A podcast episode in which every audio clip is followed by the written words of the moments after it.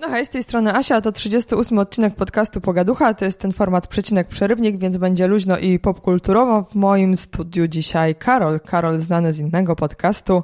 Karolu, czy powiesz Państwu, jaki podcast nagrywasz? Cześć, witajcie z tej strony Karol i podcast Zawodowcy, w którym rozmawiam z zawodowcami, przynajmniej tak mi się wydaje. Nie no, na pewno tak, ja już Cię reklamowałam, więc wszyscy moi słuchacze Cię znają, więc nie ma e, co przedłużać. I przejdźmy do tematu, bo temat jest dla mnie interesujący. Mianowicie Ty powiedziałeś, że mało czytasz beletrystyki, a za to poradnikujesz się, bo jesteś człowiekiem ciągle się rozwijającym i rozwijasz się razem z Garem. Yy, tak, Gary to jest taka yy, dosyć szczególna osoba dla mnie, yy, ponieważ trafiłem na niego jakieś dwa lata temu i moja żona kiedyś podesłała mi jakiś film właśnie Garego z jakiegoś wystąpienia i mówię, kurczę, co za jakiś taki atencyjny, śmieszny gość, który tam, wiesz, wychodzi na scenę i, i mówi różne głupoty, ale obejrzałem jeden film, obejrzałem potem drugi film i zacząłem przysłuchiwać się temu, co on w sumie ma do powiedzenia i doszedłem do wniosku, że rzeczy, które mówi są całkiem ciekawe.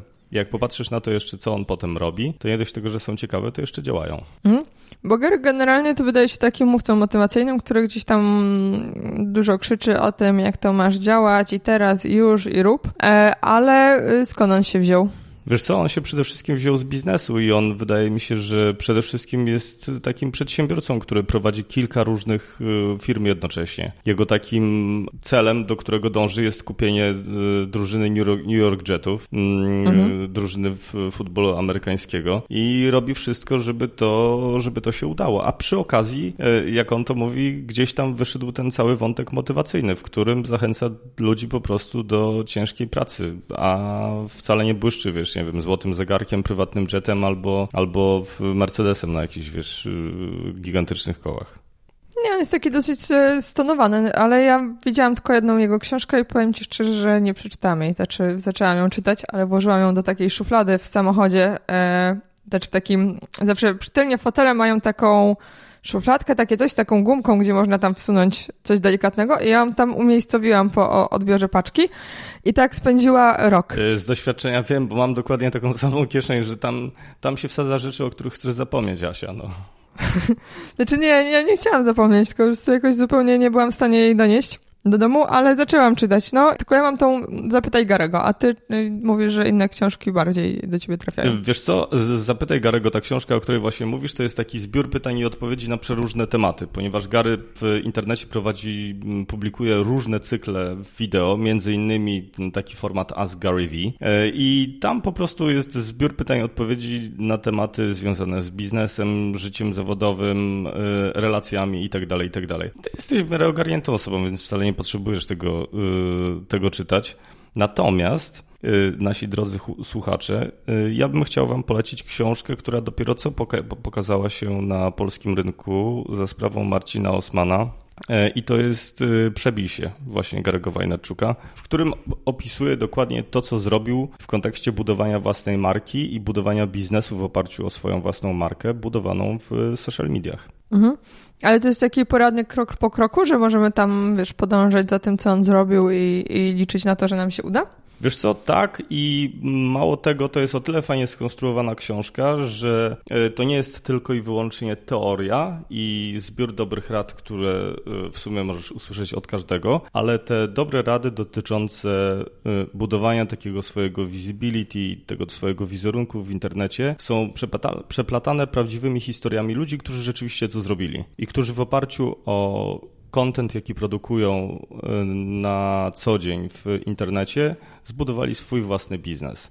nieważne, czy są, wiesz, tam trenerami personalnymi, gościem, który, nie wiem, y, recenzuje sprzęt foto, kimkolwiek innym, o kim, y, wiesz, mogła, mogłabyś pomyśleć. To jest po prostu zbiór takich dobrych rad i wskazówek dotyczących budowania marki osobistej w internecie, przeplatany z super fajnymi przykładami. Mhm, ale to jest takie mocno amerykańskie, wiesz, bo czasem te amerykańskie książki mnie strasznie irytują takimi wstawkami na zasadzie, zobacz jak to zrobił Mark. Mark teraz pływa w basenie pieniędzy, nie? Nie, nie, nie właśnie. Pa, już dolary, dolary. Właśnie, wiesz co, wiesz, to, jest, milion. to jest to, co... Pierdyliard. No, zaznaczyłem ci wcześniej, że w moim odczuciu w ogóle Gary taki nie jest, to znaczy on ucieka od takiej, wiesz, y, od takiej symboliki właśnie, popatrz tutaj, wiesz, let's create unstoppable life, albo, wiesz, hasła tego, tego typu. Także on promuje przede wszystkim takie wartości jak ciężka praca, jak empatia, jak cierpliwość skonfrontowana z taką szybkością w takim mikrodziałaniu, bo on powtarza właśnie, że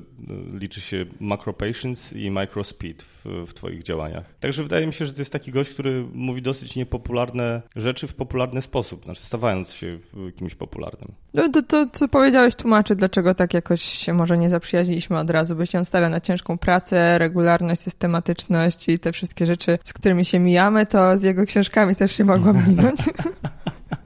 Nie, ja trochę żartuję, no obczajałam go, obczajam, ale pewnie sobie e, obczaję jeszcze raz, bo warto do tego wrócić. Dobra, czy jak my zrobiliśmy ten wątek poradnikowy e, już, to możemy przejść do czegoś w stylu komiksy na przykład na chwilę? Komiksy, no pewnie, że możemy przejść do komiksów, tylko że nie wiem, czy komiksy te, które ja pamiętam i na których się wychowałem, jeszcze są w ogóle wydawane. Mm, a co, na czym się wydawa wydawałeś, na czym się chowałeś? Słuchaj, ja się wychowałem na Kajku i Kokoszu. No to wszyscy, no to oczywiście, że one są. One są nawet, moje dziecko czytało jako lekturę. Naprawdę? Nie wiem, mhm. Nie wiem, czy to był kanon e, lektur, czy to były lektury dodatkowe, bo oni w szkole robią tak, żeby dzieci się nie zajechały jakby tym, e, tymi lekturami, które są obowiązkowe. E, to dokładają jeszcze drugie tyle, ale fajnych. Więc i tak miksują, żeby dzieci nie wiedziały, co jest co. Więc w, efekcie dzieci dużo czytają i z połowy książek są zadowolone i nie są takie negatywnie nastawione do literatury. To, słuchaj, tak to, to, to bardzo u... słuszną linię ma nasza partia w takim razie. Tak, więc, więc nie wiem, czy Kajko był w której kategorii. Wiesz co, ja mam jeden komiks, z którym ja się noszę i ja już mówiłam słuchaczom, że ja o nim powiem i w następnym odcinku wam powiem, a teraz to już na pewno wam powiem i nie powiedziałam. To jest zajebisty komiks. E, I ja chciałam mu poświęcić wystarczająco czasu, więc od niego dzisiaj zacznę, bo, bo się nie wyrabiam. I to jest... E, dla wszystkich osób, które się teraz boją, że znowu będzie jakoś strasznie patriarchalnie i feministycznie i o jakichś dziwnych przypadkach, które się ludziom zdarzają i potem już nic nam się nie chce, jak się naczytamy, bo ostatni... Doszły mnie słuchy, że mój ostatni odcinek był strasznie smutny, z czym ja się nie, nie zgadzam, ale... Ten z restauracją? Nie, nie, nie, ten z przecinek przerywnik. Wiesz, mówiłam o komiksach takich e, przez kobiety zrobionych i one były smutne. Ja w ogóle nie odnoszę takiego wrażenia, że którykolwiek z twoich odcinków Y, miałby być smutny.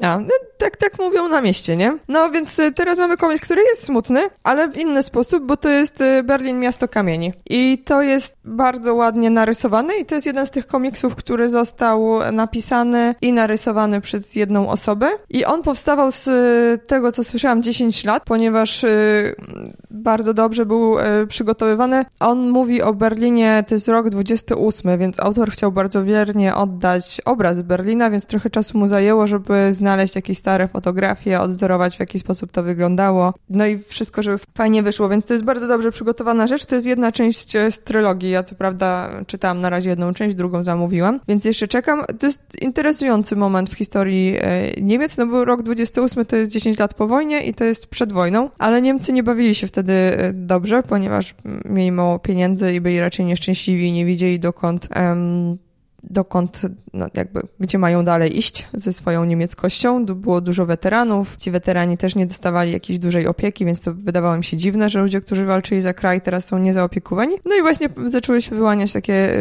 dwie grupy, tak? Czyli i nacjonaliści zaczęli gdzieś tam przechodzić do mainstreamu i socjaliści. I to, to jest taka historia tak naprawdę trzech osób, czyli jednej artystki, studentki szkoły artystycznej, jednego dziennikarza i jednej kobiety, która jest matką trójki dzieci. I oni gdzieś w tej historii e, próbują się odnaleźć i określić i zadecydować, do której strony się przyłączyć, no bo ciężko było się nie określić w żaden sposób i zostać gdzieś po środku, bo już dochodziło do tego, że trzeba było gdzieś być. Interesujące, bo na przykład jedna, ta, ta kobieta, ta matka trójki dzieci była w takiej sytuacji, w której jej mąż e, się skłaniał ku tej opcji nacjonalistycznej, a ona właśnie socjalistycznej, no i to już prowadziło gdzieś do rozpadu rodziny i dziwnych, smutnych e, sytuacji bardzo interesujące, bo myślę, że to jest taki moment historii, o którym się dużo nie mówi, nie? Nie wiem. A od strony wizualnej? No mi się bardzo podoba, czy jeśli się zrozumiemy, jak dobrze to było opracowywane, przygotowywane i na ile to realnie oddaje mm, ten okres właśnie i, i jak ta architektura wygląda, no potem była druga wojna światowa, więc jeszcze się mm, wszystko pozmieniało, więc jakby mm, dużo czasu to kosztowało,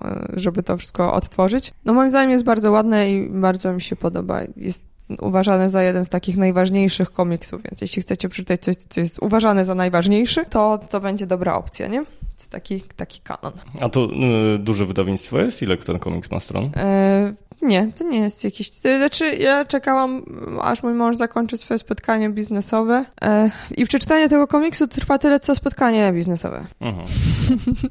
Dosyć długie spotkanie, ale no, kurde, nie wiem, ile to mogło trwać. Nie, to jest kwestia, usiądziesz dwie godzinki i masz y, przeczytane. Tak, y, dokładnie oglądając ilustrację. Dobra, e, powiedz mi, bo ty y, powiedziałeś, że ty byś chciał mówić o gąciarzu. Y, wiesz co, no z przyjemnością. Mhm. To znaczy, y, wiesz co, ja pamiętam, że gąciarza poznałem zupełnie przez przypadek, gdzieś mi się wyświetlił po prostu jeden z jego pierwszych filmów z Japonii. Jestem absolutnie oszołomiony tego, w jaki sposób on y, tworzy filmy pod kątem takim wizualnym, opowiadania historii. Może wiesz, tam z wyjątkiem tego jego epizodów Piątnicy i z y, Białym Serem. No ale co nie podoba, przepraszam, jak... wejdę ci słowo, bo generalnie jak obserwuję, Gonciarz jest bardzo mocno osadzony w świadomości osób, które gdzieś tworzą treści do internetu. E, no mhm. i e, zastanawiam się, bo już które, bo, bo mm, jak Gocha była tutaj u mnie gościnnie, to też mówiła na temat Gonciarza i ten temat gdzieś się przewija. Ja Gonciarza oglądam, mhm. natomiast Natomiast i co, i ci się Piątnica nie podoba? Że on tak zareklamował serek? To był bardzo ładny film wizualnie. Mm. Wiesz co, mi się na przykład podobało, y, mi się wydawał ten film troszeczkę bardziej nachalny niż y, wszystkie inne jego poprzednie realizacje. To znaczy jak reklamował polisę ubezpieczeniową y, PZU, mówiąc o swoich podróżach, to na dobrą sprawę to było takie, wiesz, takie mgnienie oka, kiedy ta polisa się, się pojawiła. A ta piątnica, y, ja przede wszystkim odwołuję się do tego jego zdjęcia, gdzie ono było wszędzie widoczne, jak gąsiarz siedzi w, wiesz, tam w, w krzakach i je, je serek piątnicy. To jest dla mnie taki bezpośredni product placement, a dużo bardziej podobały mi się jego takie, y, te wszystkie narracje, czy dla Intela, czy dla PZU, które robił w sposób taki, wiesz, taki prawie niewidoczny. Mhm. Z punktu widzenia tego produktu. A co do, co do tego, że to są przepiękne obrazki i tak dalej, no to wiesz, to absolutnie czapki z głów. No dobra, ale to pomijając tą piątnicę, bo chciałam tylko się dopytać, co ci tam nie leżało, to yy, to właśnie co, co ci się tam najbardziej podoba i dlaczego go oglądasz? Wiesz co, właśnie z tą, przez tą strefę całą wizualną. Mi podoba się jego estetyka, jego sposób tworzenia narracji, te obrazy, które tworzy, timelapsy, jakieś te, wiesz, to ujęcia ze zwolnionym tempem. On pokazuje miasto, które generalnie, umówmy się, jest brudne i nie jest e, jakimś, wiesz, super interesującym tworem w sposób przepiękny. Mhm.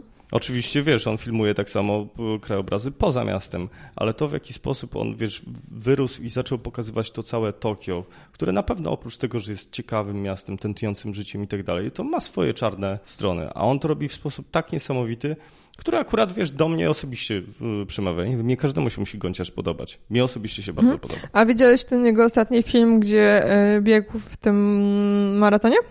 W Warszawie? Wiesz co, nie, tego nie oglądałem jeszcze, z chęcią go obejrzę. Y, ja powiem Ci, Asia, w ten sposób, że Gonciarza oglądałem regularnie, nie wiem, z rok, półtora temu. Mm, a teraz gdzieś tam tylko od czasu do czasu po prostu coś mi, coś mi mignie. Po prostu tej treści jest, wiesz, odkąd zacząłem sam tworzyć, mam mniej czasu na konsumowanie. Mhm. Nie, y, on wypuścił y, film z maratonu, do którego tam się przygotowywał i był w Warszawie i bardzo dużo osób przyszło, bardzo dużo jego nie słuchaczy, tylko oglądaczy, widzów e, się zjawiło mu kibicować i to było bardzo słodkie i urocze i strasznie mi się podobało. Znaczy, wiesz, bo no. to jest fajne, dla mnie bardziej interesujące jest to, jak on potrafi stworzyć więź z widzem i zaangażować widza w to, co on tworzy, tak, że ludzie się czują gdzieś, że to jest y, ktoś, komu, kogo oni chcą wspierać, wiesz, nie, nie na zasadzie, że tylko oglądać. No i tak samo to, co zrobił z Patronite'em, jak tam mm, zebrał Kasiora. A pod takim kątem ja wielu twórców obserwuję, nie? Bo ostatnio e, ci się pochwalę, że e, mam konto na Instagramie, znaczy od jakiegoś czasu.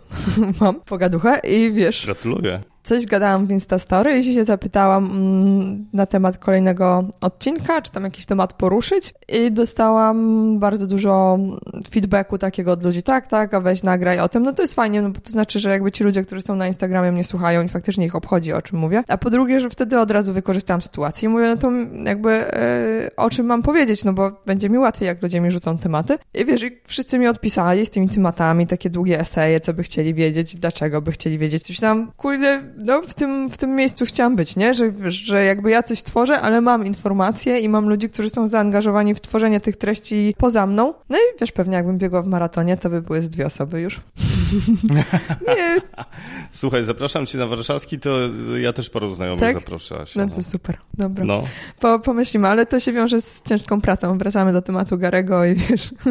Ale wiesz co, ja myślę, że y, również y, Krzysztof Gonciarz, mimo to, że nie znam go osobiście, to wydaje mi się, że jest kolejną postacią, która osiągnęła to, co ma, właśnie ciężką pracą. I przecież jego jego, wiesz, sukces nie wziął się od tego, że y, zaczął nagrywać te vlogi w, w Tokio, tylko on wcześniej pisał, wydawał książki, wiesz, publikował mhm. i tak dalej. Nie, no pewnie, że tak. Dobra, wiesz co, bo ja mam e, jeszcze w ogóle dwa seriale, których nie obejrzałam i o nich chcę powiedzieć, że ich nie oglądałam i mam jeszcze książkę, którą przeczytałam i teraz nie wiem, chcesz się dowiedzieć, jakich seriali nie oglądałam, czy chcesz się dowiedzieć, jaką książkę przeczytałam? E, ja poproszę seriale przeplatane książką. Seriale przeplecione książką, dobrze. W takim razie zacznę od serialu, który mnie też nie zdenerwował i to jest taki serial na HBO, e, Targowisko Próżności. I mój Boże, jak on mnie wkurza. Ludzie się zachwycali, wiesz, gdzieś tam informacje, o, premiera na HBO, Targowisko Próżności, to będzie taki ładny film i to on jest osadzony w Anglii takiej e, sta starej, bo tam akurat e, jest bitwa pod Waterloo w tym mniej więcej czasie, e, więc wszyscy mają ładne kostiumy, żołnierze są ładni i to wszystko będzie będzie piękna, więc zabrałam się za oglądanie, że to ma być taka intryga. I spodziewałam się e, bardziej czegoś takiego jak, e, kurde, nie wiem, czy oglądałeś taki serial. E, Rozważna i romantyczna? No właśnie, już ci mówię, bo tak, mi się to kojarzyło trochę e, Broadwalk Empire. E, wiesz, taki serial był, on był też ładny. Coś, coś mi świta, no.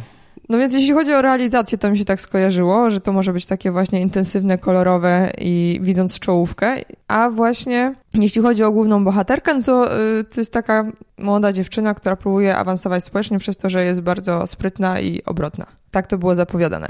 I to by było interesujące. Natomiast jej spryt i obrotność głównie skupia się do tego, że obczaiła taki patent jak awans społeczny poprzez zamąż pójście. To nie jest jakby genialne odkrycie. E, jest praktykowane od wielu lat przez wielu... System stary jak świat. Tak, no, no więc to nie świadczy o geniuszu, że ktoś się obczaił, że jak się weźmie ślub z kimś z wyższej e, klasy, to się awansuje w społeczeństwie klasowym. I okej, okay, fajnie by było, gdyby ona zrobiła ten manewr raz, a potem już kombinowała jednak jakimiś innymi metodami, ale niestety większość jej metod to polega na tym, że po prostu flirtuje z różnymi starymi dziadami i w ten sposób udaje się dostać na salony. Mm. No ale czekaj, czyli ona pobiera się, rozwodzi i zalicza potem kolejny poziom wyżej, czy... Nie, nie, nie. Ona e, wieloliniowo. Ona wzięła ślub i myślała, że w ten sposób awansuje społecznie, ale to nie do końca jej wyszło, ponieważ tam z powodów kryzysu wywołanego tym ślubem e, i opcji, że być może jednak nie dostanie spadku ten jej wybranek e, serca, no i ona dalej kombinuje, znaczy po prostu flirtując z każdym. No to nie jest jakiś bardzo... No, ja trochę zrozumiałam koncept tego serialu. Jak zaczęłam sobie czytać na, na temat książki, na podstawie której powstał ten serial, ponieważ książka mm, ma podtytuł i ten e, podtytuł brzmi Powieść bez bohatera i to wtedy ma sens, ponieważ jest to taki serial, w którym nikogo nie lubisz. Jakby wszyscy są albo sprytni i źli. Negatywnymi bohaterami. Nie, tak? albo są bezdennie głupi na przykład, nie? Ale tak, że nie masz sympatii do tych ludzi i już tu szlak mnie trafiał z każdą minutą tego serialu, którego zobaczyłam prawdopodobnie cztery odcinki, czy pięć. E, mhm. I jakby nie ma tam człowieka, któremu chciałbyś w czymkolwiek kibicować i moim zdaniem ciężko jest w ten sposób oglądać serial, że no fajnie by było, gdyby oni nas tak wywodzili w pole, że na przykład zaczynamy kibicować jakiemuś bohaterowi, bo wydaje się, że on jednak coś zrobi dobrze i fajnie, a potem jest jakiś twist, że a nie, on jednak coś tam jak zawsze zepsuł, bo to jest o tym, że, uh mhm. -huh. że wszyscy wszystko robią e, niefajnie, ale strasznie się zmęczyłam jest typ, który jest zakochany i po prostu jest zakochany i patrzy jak ciele i to jest jego rola i on tą, i to trwa 6 lat. On idzie na wojnę, wraca z wojny, znowu idzie na wojnę i cały czas się patrzy jak ciele i po prostu serce mu krwawi. A wybranka robi go na boku, czy nie? Nie, nie, nie, bo jego wybranka serce jest y, durna i się nie zorientowała, że on y, jest w niej śmiertelnie zakochany od małego no i na mhm. początku stało na przeszkodzie to, że ona tam była y, narzeczona, ale potem już to nie stoi na przeszkodzie, a on dalej stoi i patrzy na nią jak ciele wmalowane wrota. Czyli taki trochę praktyk teoretyk. Nie, no tak trochę kretyn. No ciężko coś powiedzieć więcej. Nie, no jedna laska jest naiwna i głupia i jest naiwna i głupia po prostu nie ucząc się niczego, on jest zakochany i nie ma więcej cech, poza bycie takim po prostu, no. No dobra, to ile dajesz w skali? No daję 4 na 150. Uczciwa ocena. No, więc to by było na tyle.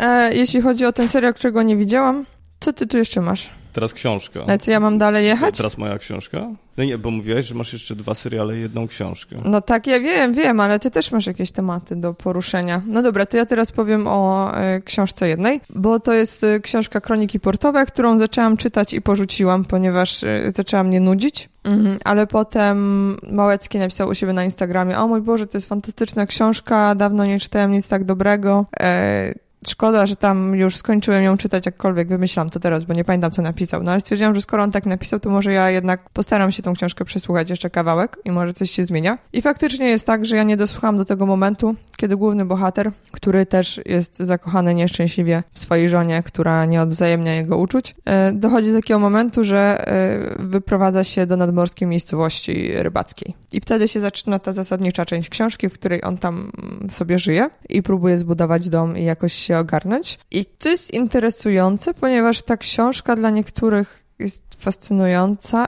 znaczy dla niektórych jest mm, taka... Ludzie lubią może, ty lubisz pływać? Znaczy w sensie jachtem czy mm, czymś tam? Wiesz co, nigdy jakoś specjalnie nie, nie uskuteczniałem. Ja jestem taki bardziej um, osadzony na lądzie. No więc ja jestem nadmorską osobą i nie lubię jak znaczy wiem, z czym się wiąże bycie nad, nad morzem, z tym, że wieje, jest zimno, jest wilgoć i wieje. I potem się ma reumatyzm na koniec. Nie kręci mnie to aż tak, a pływanie najbardziej, ale to dlatego, że ja się czuję klaustrofobicznie na wszystkiego rodzaju łódkach, ponieważ nie mogę strzelić focha mhm. i sobie wyjść. Gdy jest y, problem, no włażę na jakąś łódkę i muszę dopłynąć do brzegu, żeby się rozstać z resztą załogi lub po prostu ideą pływania, bo mi się znudziło i yy, strasznie mnie to męczy. Ale ludzie uwielbiają i mówią, że to daje im wolność i że tam świat się przed nimi otwiera i w ogóle wtedy, kiedy oni tak płyną. No wiesz, no słuchaj, no każdy ma inną zajawę jakąś, no. No więc y, wydaje mi się, że różnica w odbiorze książki między ludźmi, którzy nie lubią, a lubią y, pływanie będzie taka, że te osoby, które doceniają pływanie i nadmorskie małe, ciasne miejscowości, to będą się tam lepiej czuć tej książce. Dla mnie to nie było fascynujące doświadczenie, raczej duszne i takie ciężkie. I trochę było mi przykro z powodu głównych bohaterów, ale problem z tą książką jest taki, że on, to jest stara książka, która znowu została wydana. I teraz jest duża akcja marketingowa na tą książkę i to jest książka dobra i przyjemna, ale nie jest najlepszą książką, jaką czytałam w życiu i może, może dlatego stąd moje rozczarowanie. To, to słuchaj, przyjmuję to do wiadomości. Natomiast oceniam tę książkę 4 na 6. Mhm bo to jest yy, zacna książka. Jeśli ktoś ma ochotę na taką. W ogóle ja przeczyta... słuchałam tej książki potem, jak słuchałam dużo takich, z których musiałam się uczyć czegoś, wywnioskować coś, zapamiętać coś. I byłam bardzo szczęśliwa, y, że tutaj po prostu mój mózg był skupiony na siedzeniu w małej nadmorskiej miejscowości przez 12 godzin książki i niczego nie musiałam się mm, nauczyć. Więc to jest takie fajne, jeśli chcemy sobie odpocząć w takim bardzo powolnym stylu, bo ta książka jest dosyć powolna. Bo teraz tak, ty masz podcasty nam chciałeś opowiadać o zagranicznych podcastach. Y, wiesz co, tak, z przyjemnością. Y, opowiem wam o podcaście, który ja ostatnio gdzieś eksploruję. To jest podcast, który nazywa się 99% Invisible i opowiada przeróżne historie w takim fajnym reportażowym stylu. A dlatego ten tytuł to jest 99% Invisible, bo opowiada o tym wszystkim, co jest niewidoczne. Dam ci przykład, na przykład takiej audycji o... Kojarzysz te sklepy za, za złotówkę tam, czy tam mhm. za 5 zł, wszystko mhm. za 5 zł. No to w, w, Stanach Zjednoczonych to się nazywa The Dollar Store. Mhm. E, I to, co jest fajne w tym podcaście, to Mm, oni zaczynają historię od tego Dollar Store'a, a kończą na rozmowie, wiesz, z gościem w Chinach, który pracuje w jakiejś fabryce, y, która wytwarza to, y, to całe badziewie, które potem jest y, sprzedawane w Stanach i pokazuje po prostu taką niby śmieszną, niepozorną historię takich sklepów z tandetą od zupełnie, zupełnie innej strony. Tam tych historii jest naprawdę mnóstwo. Ten podcast ma chyba teraz ponad 300 300 odcinków, także w sumie na którykolwiek traficie, to na pewno usłyszycie kapitalnie opowiedzianą historię, taką niebanalną, dodatkowo jeszcze z kapitalnym głosem prowadzącego. Mhm. A ile te odcinki trwają jedne? One są jakieś nieskończenie długie? Nie, właśnie o to chodzi, że oni to, y, wiesz, zamykają tam w ciągu 20-30 minut. A, no to fajnie. A powiedz mi jeszcze, bo ja nie miałam czasu przesłuchać nic od początku do końca, jaki tam jest poziom angielskiego? Jeśli ktoś, wiesz, włada angielskim dobrze, ale nie przesadnie, czyli takie jakieś slangowe. Słuchaj, jak masz angielski 4 na 6, to myślę, że bez problemu sobie możesz posłuchać tego. Dobra. To jest cenna informacja, a teraz ja szybko powiem o drugim serialu, którego nie obejrzałam i to będzie bardzo szybka recenzja, ponieważ e, dostałam zresztą od Kamili, która też gościła w przecinku, e, informację, że o, powinnam zobaczyć serial Top of the Lake i on jest na Netflixie. Mhm. To jest dosyć stary serial, bo on jest chyba 2012, nie chcę teraz skłamać jakoś tak. To jest serial o właśnie policjantce, która tam wraca do swojej miejscowości, ponieważ matka choruje i ona tam będzie, musi się z tą matką zobaczyć, a w międzyczasie dostaje sprawę i tą sprawą się zajmuje. I jakby nie byłam w stanie zadecydować, czy ten serial mi się podoba, czy mi się nie podoba, ponieważ e, E, posłuchaj, jest tak. Generalnie ona przyjeżdża i tam jest przykra sprawa, bo tam jest 12. A obejrzałaś go do końca? Przepraszam. Co mówisz? Obejrzałaś go do końca? Nie, no bo już ci mówię. Ja byłam zmęczona, odpowiadałam się ten serial z napisami. Mhm. No i tam jest nastolatka, dwunastolatka w ciąży, no i generalnie chodzi o to, żeby ogarnąć, dlaczego jest w ciąży i z kim jest w ciąży. No i tam występuje pewna dwuznaczność językowa w języku angielskim, którą możesz e, interpretować w różny sposób. I nie chcę słuchaczom zaspoilerować, gdyby oni chcieli sobie kiedyś zobaczyć ten serial, ale niech nie oglądają na Netflixie z napisami, bo jakby na początku nie bardzo łapiesz, że ta dwuznaczność występuje, więc interpretujesz to w jakiś sposób, a potem Netflix tłumaczy ci ten sposób jakby drugi. I to już ci spoileruje cały serial. No ale słuchaj, opowiedziałaś to w ten sposób, że nikt nie wie o co chodzi. Mhm, więc staram się znaleźć jakiś przykład. Mhm, mhm, mhm. Słuchaj, pamiętaj, się w podcaście musimy mówić obrazami, wiesz. No dobrze, więc y, już y, tobie tłumaczę, ponieważ pan, który y, w serialu, który krytykowałam przed chwilą, poprzednim, który gra mężczyznę, który gapi się jak ciele cały czas, grał też w innym serialu i ten serial się nazywa Lovesick. Mhm. I to jest serial komediowy. I teraz Lovesick możemy sobie rozumieć jako chory z miłości, ale możemy też sobie interpretować to jako, zdaje się, chorobę miłości, znaczy to jest jakaś y, sposób, w który można określić, zdaje się, rzeżączkę. Mm, jakby serial polega na tym, że pan właśnie w związku z zachorowaniem wenerycznym musi się skontaktować ze wszystkimi swoimi byłymi partnerkami, żeby je poinformować o tej mm, niespodziewanej okoliczności i zaproponować, aby się przebadały. No więc tutaj mamy taki, taką dwuznaczność tytułową. Tak? No to bardzo ciekawy serial mógłby być. I teraz wyobraźmy sobie sytuację, w której cała fabuła tego filmu jakby rozwiązanie, wytłumaczenie zagadki kryminalnej mhm. jest zawarta w tej dwuznaczności. Więc my nie dowiadujemy się na początku, że to chodzi o tą chorobę weneryczną i mamy do się dowiedzieć dopiero w odcinku ósmym. O proszę. Ale Netflix Polska by nam na przykład dał to, przetłumaczył to od razu już tytuł jakby zgodnie z tą dwuznacznością tak, żebyśmy się od razu domyślili. Rozumiem. Czy teraz mówię jaśniej? Tak, już teraz wszystko jasne. To właśnie zrobili mi z serialem Top of the Lake, więc niestety nie będę go oglądać. I to mm, tyle, jeśli chodzi o moja, moją recenzję. Nie wiem, czy teraz y, mógłbym zapytać o to polskie tłumaczenie, czy to będzie taki totalny spoiler dla słuchaczy? To będzie totalny spoiler. Dlatego staram się obejść, y, wiesz, tłuma, y, mówienie o co chodzi. Dobra, e, przejdźmy dalej. Po prostu zostawmy z tym słuchaczy i niech oni sobie sami zobaczą i sami zadecydują, czy to jest dobry, czy niedobry serial. Natomiast ty czytałeś książkę Homodeus. Tak. Homodeus. Mhm. I co z nią? Mnie interesuje przyszłość i e, teorie, które tam są e, opisane, są naprawdę fantastyczne. To znaczy, cały ten proces ewolucji, tak jak tam od tego jakiegoś e, homo, homo nie pamiętam kogoś, doszliśmy do homo sapiens, to teraz mamy szansę dojść do homo deus, czyli człowieka, który zapanuje nad śmiercią nawet. I to jest perspektywa całkiem kusząca, powiedziałbym.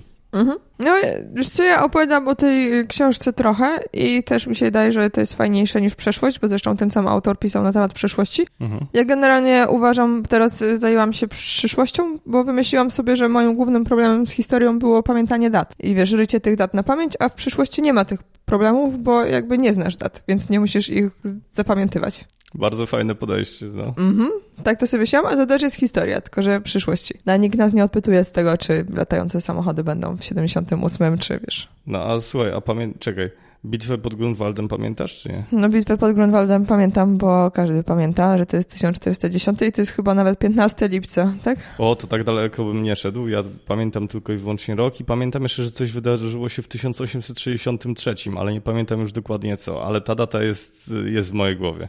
Nie, no ja się trochę historii uczyłam, więc co nieco pamiętam, ale bez przesady.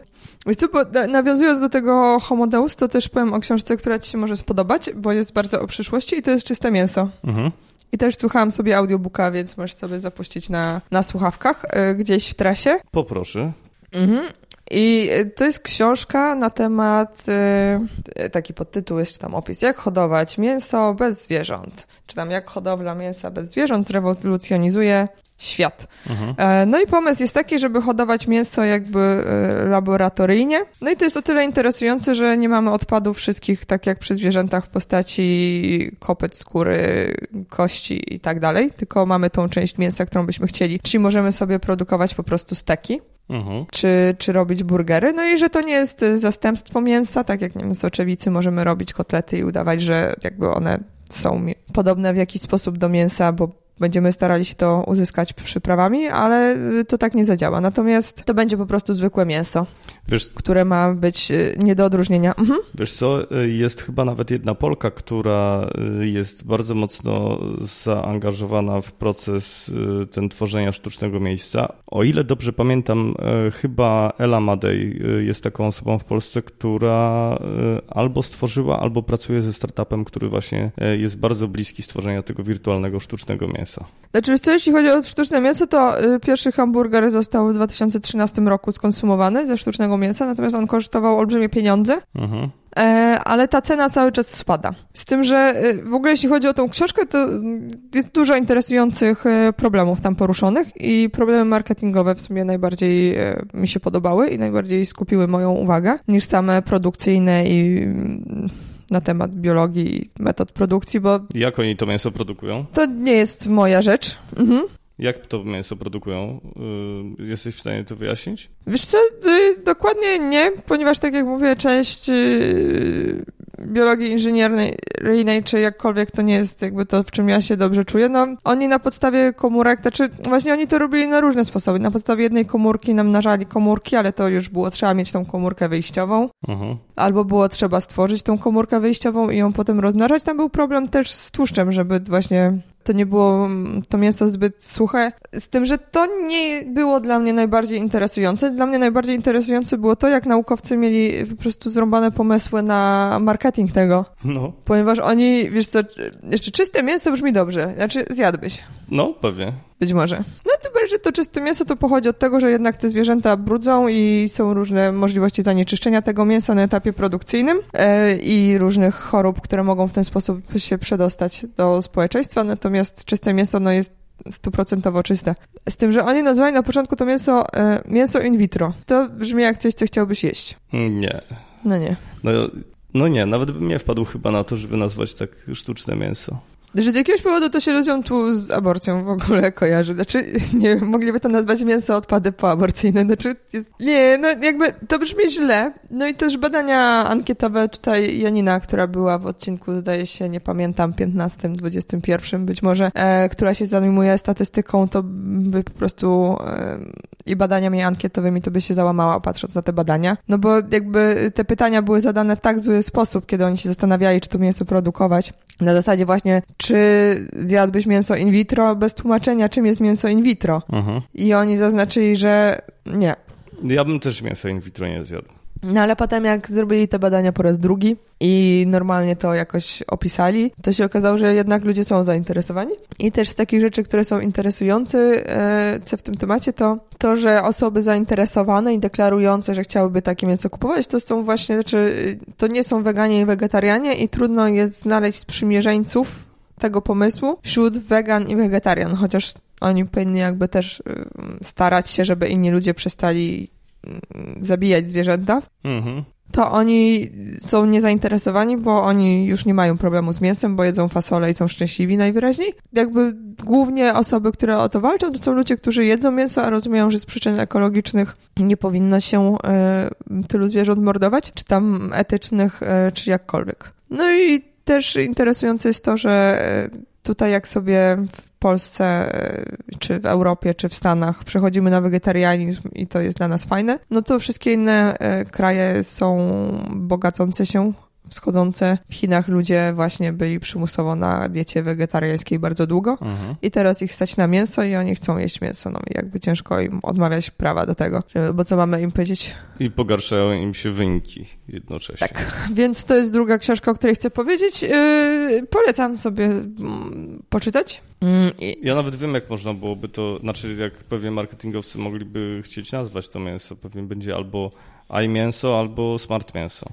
Nie, się, mi się, nie, mi się wydaje, że to czyste mięso już we, weszło do obiegu.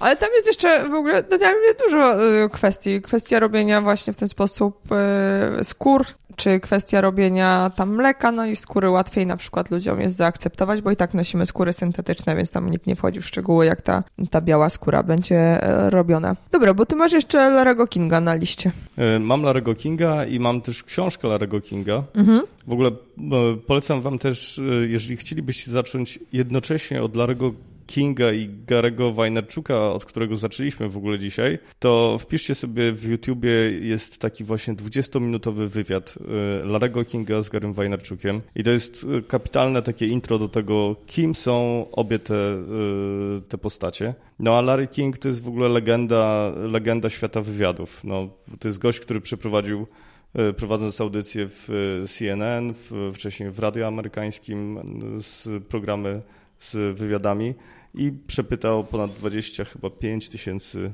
osób. E, Nie mówię już. Mhm. Bo on jest ekstremalnie stary, nie? Tak, tak, tak. On jest teraz już ekstremalnie stary, bo wiesz, no on zaczynał swoją karierę jeszcze, kiedy nie było telewizji, kiedy było radio. Mhm. I stał się niesamowicie e, popularnym speakerem w Stanach Zjednoczonych. W ogóle do, y, do radia i do, wiesz, przed mikrofon trafił zupełnie przez przypadek, e, bo po prostu ktoś, ktoś zaspał i ktoś nie przyszedł na, na odpowiednią zmianę. E, Z tym się też wiąże jedna e, ciekawa anegdota, mianowicie taka, że Larry King w ogóle nie nazywał się Larry King, miał jakieś, wiesz, żydowskie nazwisko. No i on wpada do tego studia przed ten mikrofon no i ten wydawca mówi, no ale czekaj, no przecież nie przedstawimy cię y, twoim nazwiskiem, bo twoje nazwisko brzmi całkowicie nieradiowo. Ja mówi, no to co robimy? Dobra, słuchaj, od dzisiaj jesteś Larry King. No i w ten sposób Larry King został już na, wiesz, na resztę życia. Mhm. Nie, to ja właśnie miałam sobie posprawdzać też, ale fajnie, że mówisz o tym YouTubie, ja to podlinkuję. Mhm. Ale jaką książkę? Yy, Bo w końcu nam nie powiedziałeś, jaką książkę Larego. Y, Już właśnie mówię, Larry King napisał taką książkę Jak rozmawiać z kimkolwiek, o kimkolwiek, gdziekolwiek, czy coś takiego. No, To jest taki jego y, poradnik dotyczący tego, w jaki sposób można nawiązać kontakt z każdym. Dobra, to ja mam na liście rzeczy do przeczyta- czytania. Okej, i wiesz co, ja mam podcast przygotowany jeszcze do polecenia. Dawaj. Polski. O, Mhm. Ja mam zawsze polski. No, więc y, ja mam kamienicę. Ty znasz kamienicę? y, Joanna Mielewczyk, ona zresztą chyba jest z Wrocławia y, i opowiada kapitalne historie właśnie o y, kamienicach i ich mieszkańcach. Mhm. Znaczy ja trafiłam przez przypadek, znaczy przez przypadek, no, mm, Z, zresztą to jest. y, Przepraszam, ty, ty mi weszłaś słowo, czy ja tobie? ja tobie. Musisz mu powiedzieć całe zdanie. Y, Joanna Mielewczyk to jest, y, to jest dziennikarka i ona rzeczywiście z, zaczęła prowadzić ten kapitalny podcast i no i co? No i robi super robotę, no. Mhm. Gdzie ja słyszałam od ludzi, a kamienice, kamienice, super. Wspaniałe historie i że zawsze jeśli ktoś pyta o to, że jakiś podcast, który nie jest przegadany przez dwie głowy, tak jak teraz praktykujemy i nie jest rozwojowy, tak jak teraz praktykujemy za twoją współpomocą, bo tyle rozwojowych tematów dzisiaj było, że ja chyba zmienię kategorię. No wiesz... No, y, to zawsze mówią, że kamienice. No i faktycznie odpaliłam kamienicę. To są historie tych kamienic. Przepraszam bardzo, Mhm. a nie będzie nic coachingu? Nie będzie. A, no dobra. Wiesz co, e, tak, i tam jest nagrane kawałki rozmów z mieszkańcami kamienic, jakiś e, ostatnia Polonia, która tam mieszkała. Te, te opowieści są takie, często jakbyśmy słuchali właśnie je babci. Tam ona nagrywa na przykład e, w kamienicy, ktoś jej pokazuje komodę i pokazuje szufladki, więc jest nagrany dźwięk trzaskania tymi szufladkami. My ich nie widzimy. Mhm. Ale tam kobieta opowiada, że tam, gdzie cukier, to kiedyś stała mąka, a to tu, a tu przerobiliśmy w ten sposób, że zobacz, w tej szufladce mamy coś i słyszymy po prostu szuranie tą słuchaw, y, szufladką i y, przenosimy się tam. I super, ci ludzie tak opowiadają tę historię, tak się przed nią otwierają, że ja zazdroszczę, bo słychać, że ci ludzie po prostu e, lubią autorkę tego podcastu, chcą jej opowiadać. No, to jest e, naprawdę e, przykład świetnie zrobionej takiej dziennikarskiej, dziennikarskiej roboty. Mhm. I to jest chyba w ogóle podcast, który leci w radiu. Jest też dostępny jako audycja radiowa w jakimś takim niewielkim mm, radiu. Wiesz co, tego akurat e, Asia nie wiem. Ja trafiłem właśnie na, e, na Asię e, i na ten podcast gdzieś, gdzieś w sieci mhm. i słuchałem tego w sieci. Nie kojarzę tego w ogóle z radia. Tak, więc polecam, żeby zobaczyć coś innego w podcastingu. I ty masz jeszcze jakiś podcast? Wiesz co, jest jeszcze jeden podcast, który zresztą podesłała mi moja koleżanka Sylwia i to jest podcast polityczny, amerykański, który opowiada różne polityczne historie. Między innymi na przykład opowiada historię, wiesz, y, morderstwa y, Kennedy'ego, czy no wiadomo, amerykańska polityka jest naszpikowana różnymi mhm. przedziwnymi historiami, zbiegami okoliczności, wydarzeniami z pierwszych stron gazet. I jest to naprawdę coś, coś super ciekawego i coś nietypowego, patrząc na to, co, co dzieje się póki co jeszcze w naszych polskich podcastach. To znaczy, to nie jest ani rozmowa, ani wywiad, tylko naprawdę ciekawy reportaż na polityczne tematy. Mm. Także polecam. Slow Burn i to jest okładka, wygląda tak jak tam mm, byłoby zdjęcie polityka, e, a w pierwszym planie byłaby taka wydarta kartka. To ten no, będzie podlinkowane, e, ja sobie obczaję i to jest tyle, jeśli chodzi o dzisiaj. Więc dziękuję Ci, Karolu, e, za występ gościnny. Jak Ci się gościło? No fantastycznie, no, bardzo dziękuję za zaproszenie, no i mam nadzieję, że do jakiegoś następnego spotkania. No. Mhm. Mam nadzieję, że uda nam się następnym razem zobaczyć na żywo, bo jak się widzimy na żywo, to nam się nie udaje nagrywać, a jak nagrywamy, to nam się nie udaje spotykać. Dobra. E... Słuchajcie, jeszcze raz Asia, wielkie dzięki za, za zaproszenie, było mi nie, niesamowicie miło. Czekaj, to jeszcze teraz powiem, bo zawsze zapominam, żeby dać mi dobrą ocenę w iTunes i jak słuchacie Karola, to możecie też mu dać dobrą ocenę w iTunes, a poza tym ja mam newsletter, więc możecie się zapisać na newsletter i wtedy macie pewność, że nie ominiecie żadnego fantastycznego odcinka. Czy powiedziałam to no, takim... Nie, nie, Asia, jeszcze zapomniałaś jeszcze jednego. No. Jeszcze dajcie Asi suba. Aha, no, do, no tak, subskrybujcie mój podcast w aplikacjach. No, właśnie chyba ostatnio nawet y, śmieliśmy się i rozmawialiśmy na temat tego, ilu subskrybentów mamy na YouTubie. Mhm. No to ja mam, a, bo ja mam jeszcze kanał na YouTubie, więc na YouTubie, a bo ja myślałam, że w, w, aplikacji podcastowej masz mnie subskrybować, a na YouTubie też możesz mnie subskrybować. Mam już chyba 23 subskrybentów, więc jestem... Patrzę się, to się nic... Nie... Pięć razy bardziej popularna niż ktoś, z kim rozmawiałam ostatnio. To ze mną rozmawiałaś, bo ja mam sześciu. Sześciu. No, to subskrybujcie Karola. Czemu nie było nie, przykro. Nie. Asia, czyli no słuchaj, no, no dajcie suba Asi, no. To jest takie naprawdę bardzo fajne, takie popkulturowe. Dajcie suba. Tak, dobra. No. E, to by było na tyle. Trzymaj się. No, ciao, wszystkiego dobrego. Hej.